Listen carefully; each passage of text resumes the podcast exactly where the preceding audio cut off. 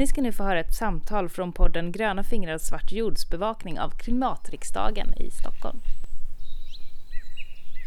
Nu har jag träffat en ny här bekantskap vid Klimatriksdagen. Vem är det jag har med mig nu?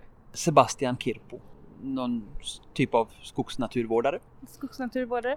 Alltså jag kände ju igen dig när jag såg dig här eh, i folkvimlet och jag tror att gemene man känner igen dig från att du har sommarpratat för några år sedan. Visst var det så? Ja, just 2014 så var jag lyssnarnas val i, i P1 i sommar. Ja. Så att, eh, då, fick, då hade jag en guidad tur för radiolyssnarna kan man säga. Ja, du pratar mycket om eh, urskogen. Ja, precis, precis. Ja, vi, vi åkte till Fanstjärnsskogens naturreservat i Värmland, norra Värmland som är ett av mina absoluta favoritområden och det kanske är en av de absolut finaste naturskogsmiljöerna vi har i, i hela Mellansverige. Mm. När startade din kärlek till skogen? Oj, den har nog alltid funnits med på något sätt men kanske blir man medveten om den på ett, med en större känsla när man blir vuxen. så kan man väl säga. Ja, Eh, när man för- förstår den Ja, på riktigt, inte bara man vet för- om den. Nej precis, utan när man förstår hur den fungerar och ser hur den behandlas då med vårat eh, kalhyggesskogsbruk då som, som är den allenarådande metoden för att, för att bruka skogen i Sverige. Och, och det fick jag ju förstå och lära mig då efter 20 års ålder då när jag började plugga på en folkhögskola och med, med naturvårdsinriktning och, och eh, fick se då skillnaden mellan naturskog och plantage och kalhyggen. Och det var ju det var rätt skrämmande. Och, och när man blir medveten, det är då människor börjar reagera. För de som inte har koll på de här skillnaderna, kan du dra lite kort vad som är de stora skillnaderna mellan ett kalhyggesskogsbruk och ett mer eh, hållbart skogsbruk? Ja, ett kalhyggesskogsbruk bedrivs ju absolut inte efter de eh, ramar som, som skogen som ekosystem har. Utan eh, där bryter man ju, kan man säga, trädens livscykel väldigt, väldigt tidigt. Och man tillåter inte alltså träden få bli riktigt, riktigt gamla och man tillåter inte träden få bli döda. För det är ju den döda veden som är den stora biologiska mångfalden och hela skogsekosystemet bygger på. Så det är Mm. därför det är viktigt. Att, Ja, absolut, absolut. Så att, att, att även om man skulle bedriva något sorts naturnära skogsbruk med kalhyggesfria metoder så skulle man ju påverka skogsekosystemet negativt för att ekosystemet bygger på att alla träd som föds någonstans som ett litet frö de ska även leva, dö och förmultna på den platsen när fröet landar. Mm. Det, det är bara vi människor egentligen som, som flyttar på träden. Det finns ingen bäver som går iväg med en hel asp eller ingen barkborre som flyger iväg med en gran eller Ja, hur skulle det se ut? Nej, exakt, exakt. Så att eh, ur ett naturligt perspektiv så är det att, att träden ska leva och dö och förmultna på samma plats där fröet grodde. Eh, men eftersom vi människor behöver eh, skog eh, och dess resurser i att bygga hus och, och göra papper och kanske lite biobränsle och grejer också så, så är det ändå som så att, att vi bedriver ett skogsbruk utanför de här ramarna som finns, de planetära eller ekologiska gränserna Mm. som skogen har. Och eh, med kalhyggesskogsbruk så gör vi det på ett väldigt, väldigt, väldigt dåligt sätt.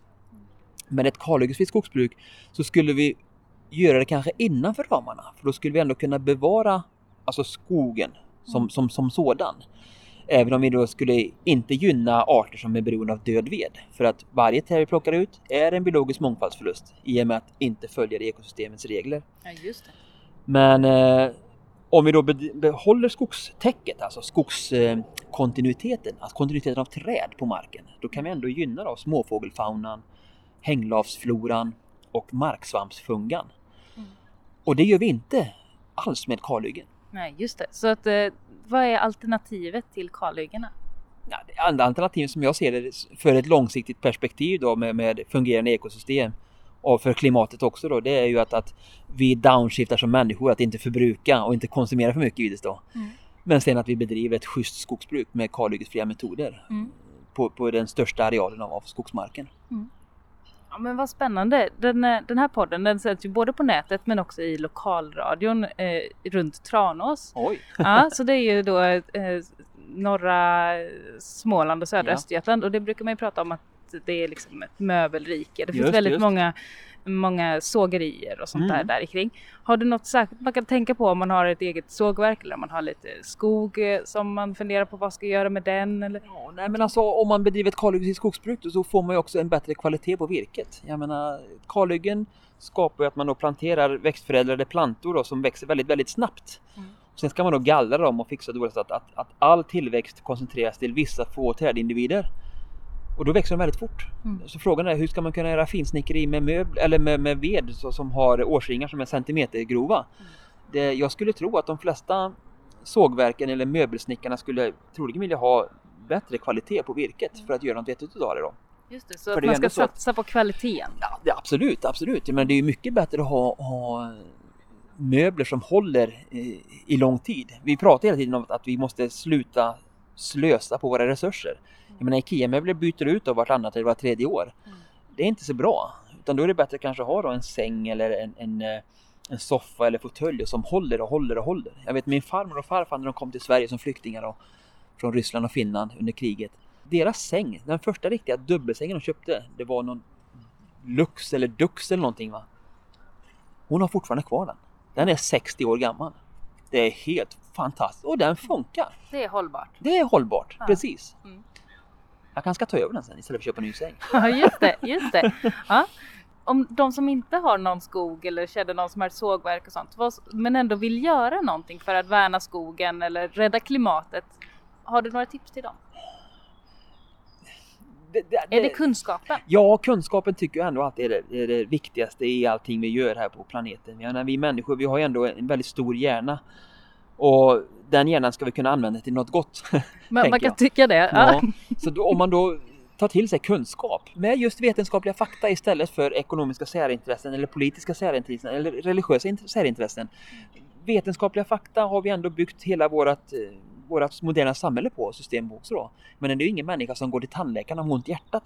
Okej, det är en läkare som läkare, men det är ju, du ska gå till en hjärtläkare, så är det ju. Va? Mm. Så att, varför kan vi inte då använda då kunskapen om skogens ekosystem som, som, en, som en grund för att bedriva skogsbruk eller, eller prata om skogen överhuvudtaget? Mm. Men idag så handlar det mest om att, att det finns väldigt starka ekonomiska särintressen som, som driver sin agenda in absurdum skulle jag vilja säga då. Med till och med lögner då som Sveaskog nu gör då, med att säga att hyggen ingår i det naturliga kretsloppet. Det finns inget naturligt överhuvudtaget med, överhuvudtaget med hyggen. Va? Mm. Utan det är någonting som vi människor har hittat på och nu ska vi då försöka förändra den verkligheten som faktiskt råder till att den ska passa våra ärenden. Mm. Ja, så får vi inte bete oss. Det, det, det är fel, fel sätt. Ja. Och så det sista grejen då innan vi avslutar. Om du skulle måla upp en bild av skogen så som du ser i den. framtiden. Nej men eh, den skogen så som urskogen eller Ja, den ja, skogen okej, som okej. du vill Ja, ha nej, den. men- Hur, eh, hur är det i en väl fungerande skog? Ja, jag har en god vän som jobbar på Skogsstyrelsen som, som brukar kalla en riktig naturskog för en välmöblerad skog. För där finns det allting. Mm. Det finns de gamla träden, där finns den döda veden, de mossiga stenarna. Eh, man får kliva över ett, ett mossigt träd som kanske har legat dött i flera hundra år, sådana saker. Och eh, man, hänglavarna finns i träden.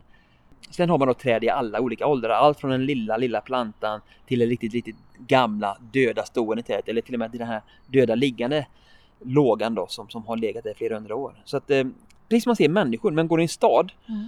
så ser man inte bara människor i en ålder. Nej, Utan vi ser ju människor som går bredvid varandra som kan vara unga och som kan vara gamla. Som kan vara halta och lytta och som är helt friska och bättre muskulösa. och Någonting, va? Så att just den här mångfalden, alltså det välmöblerade Mm.